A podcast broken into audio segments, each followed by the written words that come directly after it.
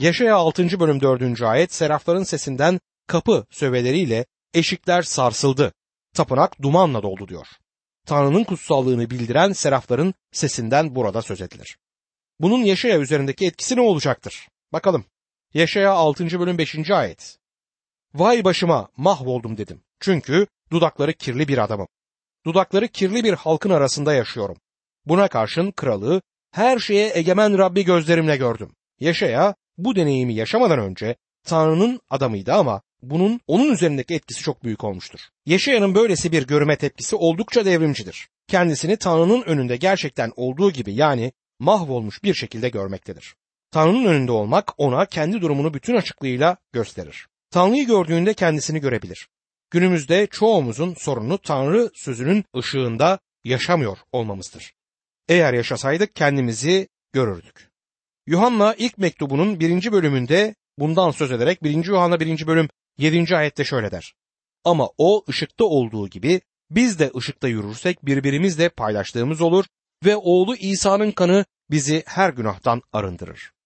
Onun sözünün ışığında yaşarsak, yaşayanın gördüğünün aynısını yani mahvolmuş olduğumuzu ve dudakları kirli insanlar olduğumuzu o zaman görürüz. Eğer değerli olduğumuzu, bir şeyi hak ettiğimizi ya da Tanrı üzerinde herhangi bir hakkınız olduğunu düşünüyorsanız, Rabbi hiçbir zaman gerçekten dostum görmemişsinizdir. Eyüp'ün deneyimi de yaşayanınkine çok benzer ve tepkisi kendimden iğreniyorum olmuştur. Eyüp kendisini doğru gören bir adamdı. Kendisini küçük parçalara ayırmaya çalışan arkadaşlarının önünde saygınlığını koruyabiliyordu. Kendisine kötü bir günahlı olduğunu bu insanlar söylediler ama onların gözünün içine bakıp bildiğim kadarıyla ben doğru biriyim diyebilmişti. Kendi bakış açısından haklıydı ve onlarla olan mücadelesini kazandı. Ama Eyüp kusursuz değildi. Tanrı'nın huzuruna çıktığında artık doğruluğunu korumaktan söz etmek istemedi. Eyüp kim olduğunu gerçekten görmüştür. Eyüp 42. bölüm 5. ve 6. ayetlerde kulaktan duymaydı bildiklerim senin hakkında. Şimdi ise gözlerimle gördüm seni.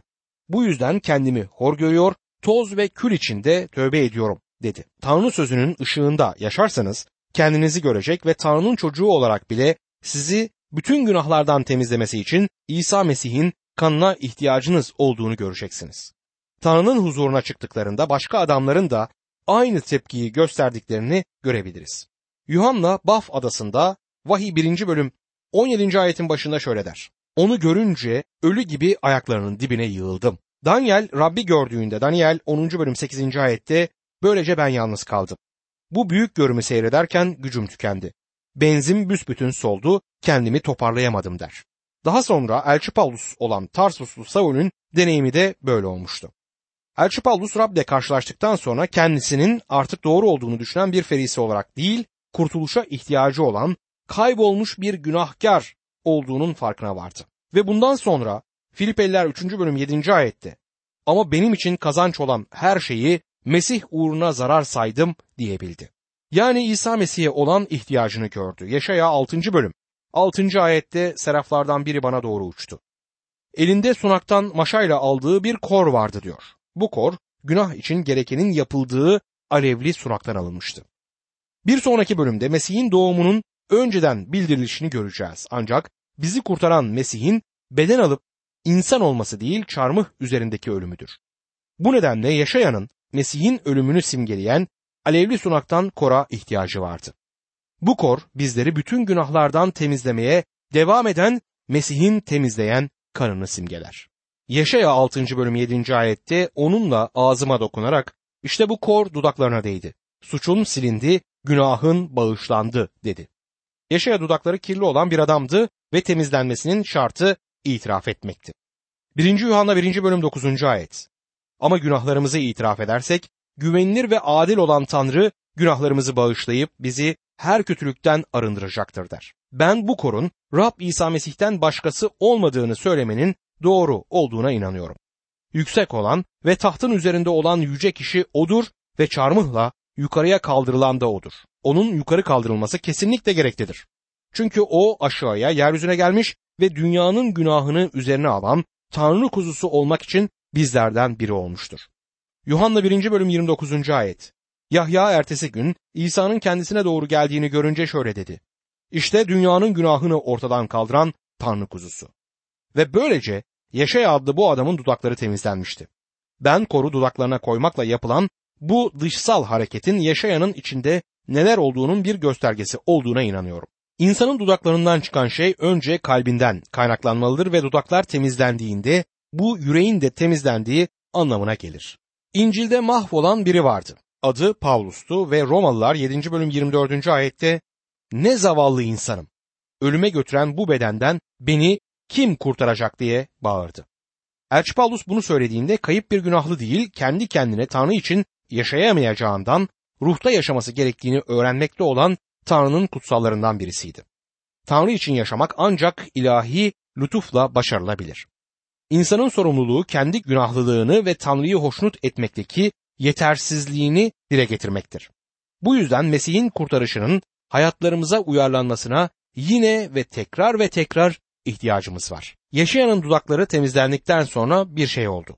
Yaşaya 6. bölüm 8. ayet. Sonra Rabbin sesini işittim. Kimi göndereyim? Bizim için kim gidecek diyordu. Ben beni gönder dedim diyor. Yaşayanın o zamana dek Tanrı'nın çağrısını hiç duymamış olması ilginçtir. Bence pek çok Hristiyan Tanrı tarafından bir şey yapmak üzere çağrıldıklarını hiçbir zaman hissetmezler. Çünkü hiçbir zaman temizlenmemişlerdir. Hristiyanlar olarak bu büyük gereksinimi görmemişlerdir. Tanrı kirli bir kabı kullanmayacaktır. Size bunun hakkında güvence verebilirim. Tanrı'nın günahla oynayanlar tarafından verilse bile sözünü bereketlediği doğrudur ama aynı zamanda Tanrı onları şiddetle yargılar. Herhangi bir isim vermek istemiyorum ama bir süre Tanrı'nın bereketlerinin tadını çıkaran bazı vaizleri tanıyorum. Sonra günaha düştüler ve Tanrı yargısının üzerlerine gelmesi uzun sürmedi. Yaşaya Tanrı'nın çağrısını duymuştu. Kimi göndereyim? Bizim için kim gidecek diyordu. Bu ayette hem tekil ve hem de çoğul ifadeler kullandığına dikkatinizi çekmek isterim. Ve ben bunun üçlü birlikten söz ettiğine inanıyorum. Yaşayanın verdiği yanıt ben gideceğim, beni gönderdi. Yaşaya Tanrı'nın çağrısını ilk kez duymuş ve temizlenmiş birinin yapacağı gibi ona yanıt vermiştir. Kilisede kendilerinden bir şeyler yapmaları istenilen pek çok insan var ki bunların ilk önce temizlenmeleri ve Rab'le olan ilişkilerini düzeltmeleri gerekir. Yaşamlarındaki günahları itiraf etmeleri gerekiyor bu insanların. Çünkü bu gerçekleşene dek yaşamları kısır ve hayal kırıklıklarıyla dolu olacaktır. Şimdi Yaşaya'ya verilen göreve dikkat edelim. Yaşaya 6. bölüm 9. ayet. Git bu halka şunu duyur dedi. Duyacak duyacak ama anlamayacaksınız. Bakacak bakacak ama görmeyeceksiniz. Yaşaya'ya vermesi söylenilen mesaj tuhaftır. Bu halk tabii ki İsrail ulusudur. Yaşaya 6. bölüm 10. ayette devam eder. Bu halkın yüreğini duygusuzlaştır. Kulaklarını ağırlaştır, gözlerini kapat. Öyle ki gözleri görmesin, kulakları duymasın, yürekleri anlamasın ve bana dönüp şifa bulmasınlar. İlk bakışta peygamber kör, sağır ve yürekleri katılaşmış bir halka gönderilmiş gibi görünür. Ama Tanrı'nın kendi başlarına bırakılsa yumuşak olacak kalpleri asla katılaştırılmayacağını güvenle söyleyebilirim. Tanrı sadece katılığı, sertliği, inadı yüzeye çıkartır. Yüreği katılaştırmaz. Görmeyi isteyenlerin gözlerini körleştirmez ama o işe el atmadıkça bu insanlar asla göremeyeceklerdir. Tanrı'nın insanların yüreklerini katılaştırdığını ya da onları körleştirdiğini söylemek insanların akılsızca küfretmesinden başka bir şey değildir. Yaşayanın görevi halka ışık mesajını götürmekti. Işık sadece insanların körlüğünü ortaya çıkartır. Karanlıkta kör olup olmadıklarını insanlar bilmezler. Matta 13. bölüm 14 ve 15. ayetlerde Rabbimizin işleri kaydedilir. Ve şöyle yazar. Böylece Yaşayan'ın peygamberlik sözü onlar için gerçekleşmiş oldu. Duyacak duyacak ama hiç anlamayacaksınız. Bakacak bakacak ama hiç görmeyeceksiniz. Çünkü bu halkın yüreği duygusuzlaştı, kulakları ağırlaştı. Gözlerini kapadılar. Öyle ki gözleri görmesin, kulakları duymasın, yürekleri anlamasın ve bana dönmesinler. Dönselerdi onları iyileştirirdim diyor Tanrı sözü. Buna bir örnek vereyim. Küçükken babam bir ara hayvancılıkla uğraştı. Bazen bu hayvanlara yem verirdim. Kocaman bir samanlık vardı. Akşamları oraya bir gaz lambasıyla giderdim. Elimde gaz lambasıyla samanlığa girdiğimde iki şey olurdu. Fareler saklanmak için koşardı. Koşuşmalarını duyabilirdim. Ve çatı girişlerinde yuva yapmış olan küçük kuşlar da ötüp şarkı söylemeye başlardı. Işığın gelişi bazılarının kaçmasına, diğerlerinin de şarkı söylemesine neden olurdu. Peki fareyi fare yapan ışık mıdır? Hayır. Işık oraya gitmeden önce de fare vardı. Işık sadece onun fare olduğunu ortaya çıkartır. Rab İsa dünyaya geldiğinde dünyanın ışığıydı. Onun huzurunda iki şey gerçekleşti. Onun huzurunda olan bu iki şey bazılarının şarkı söylemesi, bazılarının da kaçmasıydı. Aynı düşünceyi bir başka öyküyle örneklendirmek istiyorum. Yıllar önce bir maden ocağında büyük bir patlama olmuştu ve madenin çıkışı kapandığından birçok kişi madende mahsur kaldı. Birkaç gün sonra bir kurtarma ekibi kazı yapıp bu mahsur kalan insanlara ulaştı. Onlara götürebildikleri ilk şeylerden biri ışıktı. Işık gelince genç bir madenci neden birisi ışıkları açmıyor dedi. Diğer madenciler şaşkınlıkla ona baktı ve birdenbire patlamadan ötürü kör olduğunu anladılar. Ancak kör olduğunu ona ışık gösterdi. Tanrı kimseyi kör etmez, kimsenin kalbini katılaştırmaz. Işık geldiğinde bireyin ne olduğunu bu ışık ortaya çıkartır ve Yaşayan'ın sözünü ettiği şey de budur. Rab İsa Mesih'in bu parçada aktardığı da aynen budur. Elçi Paulus bizi her zaman Mesih'in zafer alayında yürüten, onu tanımanın hoş kokusunu her yerde aracılığımızla yayan Tanrı'ya şükürler olsun der. Çünkü biz hem kurtulanlar hem de mahvolanlar arasında Tanrı işin Mesih'in güzel kokusuyuz. Mahvolanlar için ölüme götüren ölüm kokusuyuz. Kurtulanlar için yaşama götüren yaşam kokusuyuz. Böyle bir işe kim yeterlidir diye sorar. İnsanlara Mesih'i kabul etmeleri için bir davette bulunurken sık sık Mesih'i reddederseniz bu kiliseye kayıp bir insan olarak gelip kayıp bir insan olarak buradan çıkmanız anlamına gelir. Bundan böyle sizin dostunuz değilim çünkü şimdi artık Tanrı'nın huzuruna çıkıp da müjdeyi hiç duymadığınızı söyleyemezsiniz derim. Müjdenin ışığı kör olduklarını ve Mesih'i reddettiklerini ortaya koyar. O onları kör etmedi. Sadece körlüklerini ortaya çıkarttı. Bizi her zaman Mesih'in zafer alayında yürüten Tanrı'ya şükürler olsun. Biz her zaman zafer kazanırız. Kurtulanların sayısıyla övünmekten hoşlananlar var. Ancak ben binlerce hatta milyonlarca insanın Tanrı sözünü duymakta olduğuyla övünmeyi tercih ediyorum. Benim işim tohumu Tanrı sözüne ekmektir. İşitenlerin yüreklerine dokunmak Tanrı'nın ruhunun işidir. Yeşaya 7. bölüm İmanuel'in bakireden doğuşunun ve Yahuda'nın Asur tarafından istila edileceğinin önceden bildirildiği bir peygamberliktir. Bu bölümün 1 ve 2. ayetleri Yahuda ile İsrail arasındaki iç savaştan söz eder. Bu savaşta Aram İsrail ile birlikte savaşmakta ve bu da Yahuda'ya korku vermektedir. 3 ila 9. ayetler bize Yeşaya'nın ve oğlu Şear Yaşuv'un Yahuda kralı Ahaz'a Rab'den cesaret verici bir söz iletmek üzere onunla yukarı havuzun su yolunda buluşmaya gittiğinden söz eder. 10 ila 16. ayetler Ahaz'ın bir belirti istemeyi reddedince Davut evine bakireden doğacak olandan söz ederek belirtiyi vermesiyle devam eder. 17 ila 25. ayetler Asurluların Yahuda'yı Tanrı'nın yargısı olarak istila edeceklerini önceden bildirir. Şimdi Yaşaya 7. bölüm 1. ayete bakalım. Uzziye oğlu Yotam oğlu Ahaz Yahuda kralı iken Aram kralı Resin'le Ramelya oğlu İsrail kralı Pekah Yaruşilim'e saldırdılar ama ele geçiremediler der. İkinci Krallar 16. bölüm. İkinci ayette şöyle okuyoruz. Ahaz 20 yaşında kral oldu ve Yaruşilim'de 16 yıl krallık yaptı.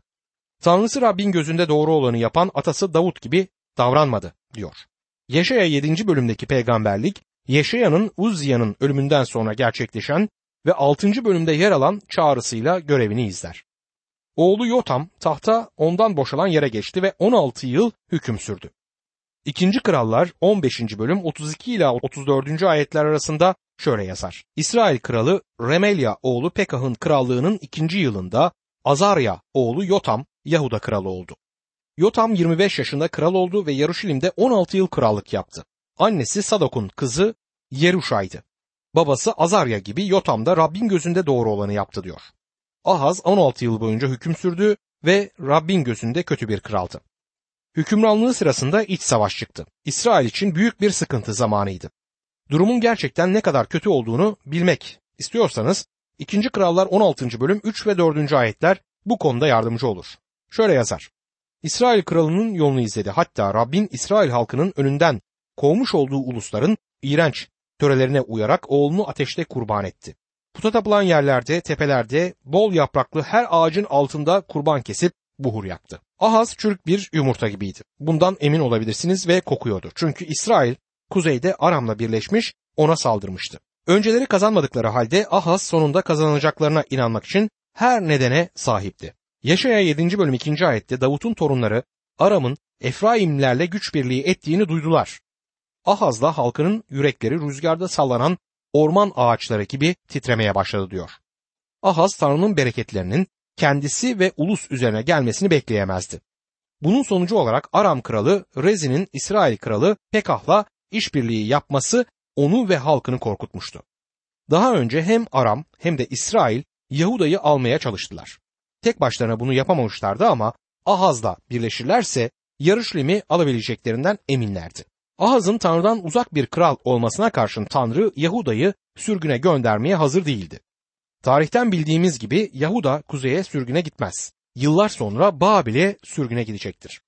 Yaşaya 7. bölüm 3. ayet bu arada Rab Yaşaya'ya şöyle seslendi. Ahaz'ı karşılamak için oğlun Şear Yaşul'la birlikte yukarı havuzun su yolunun sonuna çırpıcı tarlasına giden yola çık. Tanrı Yahuda krallığını sürgüne gitmek üzere teslim olmaya hazır olmadığından panik içinde Mısır'la akıllıca olmayan bir ittifak yapmaması için krala cesaret vermek istiyordu. Bu yüzden Tanrı Yeşaya'ya Ahaz'la buluşmasını söyler. Bu ayette bakmamız gereken birkaç nokta bulunur. İlk olarak Yeşaya Ahaz'la su yolunun sonunda buluşmalıydı. Kralla buluşması gereken yer anlamlıdır. Yaşam veren su, Yaruşilim'e bu oluktan akardı. Halkın susuzluğunu giderebileceği yer burasıydı. Suyla dolu bir boru insanı fazla emin kılmaz. Bir yerinde bu borunun bir musluk olması gerekir. Suyun borudan çıktığı yere gitmeniz gerekiyor. Bu Davut'un o evinden değil, soyunun sonunda yaşam suyu olarak gelecek kişiden bereket alacağımızı simgeler. O kişi Rab İsa Mesih'ti. İsa yaşam suyunu getirmek için Davut'un soyundan geldi. Yaşayanın kralla yukarı havuzda buluşması gerekmekteydi. Havuz sözcüğü İbranice'de bereket anlamına gelen berekah sözcüğünden gelir. Bu 84. mezmur 6. ayette kullanılan sözle aynıdır.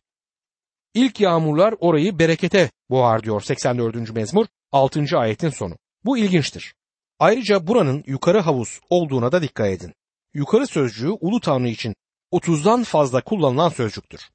İbrahim'e hizmet etmek için gelen kişinin ulu tanrının bir kahini olduğu yaratılışta söylenmiştir. Ulu tanrının bereketi su yolunun sonunda İsa Mesih'in dünyaya gelişini resmeder. Çırpıcıların çalıştığı tarlaya giden yola çık diyor. Yol yolcunun ayaklarını temiz tutmak için etraftaki tarlalardan daha yüksek yapılmaktaydı. Yolun ruhsal anlamda uyarlanması Süleyman'ın özdeyişleri 16. bölüm 17. ayette açıkça belirtilmiştir. Dürüstlerin tuttuğu yol kötülükten uzaklaştırır. Bu yol kutsallık yoludur. Yaşaya aynı mecazi anlamı 35. bölüm 8. ayette kullanır. Orada bir yol, bir ana yol olacak. Kutsallık yolu diye anılacak. Bu ilginç bir simgedir. Yol gerçek ve yaşam olan kişiden söz eder. Mezmur yazarı ne mutlu gücünü senden alan insana, senin yolunun kalbinde olanlara demiştir. Yani yol, gerçek ve yaşam olana sahip olan adama ne mutlu. Ayrıca buluşmanın çırpıcıların çalıştığı tarlada gerçekleştiğine dikkat etmeliyiz. Çırpıcıların tarlası insanların elbiselerini yıkamak için gittikleri bir yerdi. Zamanın bir nevi çamaşırhanesiydi. Bunu kendi hayatlarımıza uyarlayarak yaşamlarımızı temizlemek istiyorsak Rab İsa Mesih'e gelmemiz gerekir demeliyiz. İsa size söylediğim sözde siz şimdiden temizsiniz demiştir. Gördüğünüz gibi yaşayanın Ahaz'la buluşmak için bu çok ilginç yere gönderilmesi bir rastlantı değildir. Bizim için muhteşem bir ruhsal anlam taşır. Yaşaya'ya oğlu Şear Yaşuv'u yanında götürmesi söylenir. Bu isim oldukça ilginç bir isim olmasına karşın 8. bölümde göreceğiniz ikinci oğlunun ismi yanında hiç kalır. Şear Yaşuv bir bakireye dönecektir anlamına gelir. İlginç olan Tanrı'nın her zaman kendisine sadık olan bir avuç halkı olmasıydı. Yaşaya 7. bölüm 4 ila 9. ayetler arasını okuyayım. Ona de ki, dikkatli ve sakin ol, korkma. Şu tüten iki yanık odun parçasının Aram kralı Resin'le Ramelya'nın oğlunun öfkesinden korkma. Aram, Efraim ve Ramelya'nın oğlu sizin için kötü şeyler tasarlıyor. Diyorlar ki haydi Yahuda'ya saldıralım. Halkı korkutup ülkeyi ele geçirelim. Tavael'in oğlunu kral ilan edelim. Buna karşılık Egemen Rab diyor ki bu tasarı asla gerçekleşmeyecek. Çünkü Şam sadece Aram'ın başkenti. Resin de sadece Şam'ın başıdır. Efraim'e gelince 65 yıl içinde paramparça edilip halk olmaktan çıkacak. Samiriye'ye sadece Efraim'in başkenti, Ramelya'nın oğlu da sadece Samiriye'nin başıdır. Bana güvenmezseniz güvenlikte olamazsınız. Bu mesajın konusu Ahaz'ın kuzeydeki iki düşmanından korkmasına gerek olmadığıydı. Tanrı onların bu saldırılarının başarısızlıkla sonuçlanmasına karar vermiştir. Sorun Ahaz'ın bunu nasıl bileceğiydi. İlk olarak Ahaz şüpheciydi ve imansızdı. Yaşayanın söylediklerinin doğru olduğuna nasıl ikna olacaktı? Tanrı kimseden bir temel üzerinde olmayan bir şeye inanmasını istemez. İman bir alana körü körüne girip de Tanrı'ya güveniyorum demek değildir. Bu çok akılsızca olur. Tanrı bizden hiçbir zaman bunu istemez. Örneğin kurtuluş deneyimimizde kurban olarak sunmak üzere bir kuzu götürmeyiz. İmanımız Tanrı oğlunun öldüğü, gömüldüğü ve dirildiği gerçeği üzerindedir. Tanrı bizden hiçbir zaman karanlıkta sıçramamızı istemiyor. Bizden sağlam bir temel üzerinde olan bir şeye inanıp güvenmemizi ister ki bu zaten tek temeldir. 1. Korintliler 3. bölüm 11. ayet çünkü hiç kimse atılan temelden yani İsa Mesih'ten başka bir temel atamaz der. Bir insan dürüst bir imansızsa ve iştenlikle Tanrı'yı tanımak istiyorsa kurtaran imana gelecektir. Kendi tanıklık ettiklerim arasında inanamayacaklarını söyleyen kişiler dürüst davranmıyor. Örneğin büyük bir kentte bir genç bana inanmayı istiyorum, gerçeği arıyorum dedi. Zinada olan bir ilişki yaşıyor ve gerçeği aradığını söylüyordu. İşin doğrusu gözlerinin bağlanmasını istemeyen kimsenin gözlerinin bağlanmayacağıdır. Birisi gerçekten Tanrı'yı tanımak istiyorsa ve günahından vazgeçip Mesih'e dönerse Tanrı kendisini onun için gerçek kılacaktır. Günümüzde sorun birçok kişinin Tanrı'ya karşı ciddi davranmamasıdır. Kral Ahaz'ın sorunu da buydu. Tanrı'ya karşı ciddi değildi. Dinleyin Yaşaya 7. bölüm 10 ve 11. ayetlerde Rab Ahaz'a yine seslendi. Tanrı'nın Rab'den bir işaret iste. Ölüler diyarı kadar derin, gökler kadar yüksek olsun diyor. Tanrı Ahaz'ın imanı olmadığını biliyordu ve krala iman vermeye istekliydi ama Ahaz dindar gibi görünen bir sahtekardan başka birisi de değildi. Günümüzde de etrafta bunlardan epey var. Sahte dindarlığına kulak verin Yaşaya 7. bölüm 12. ayet.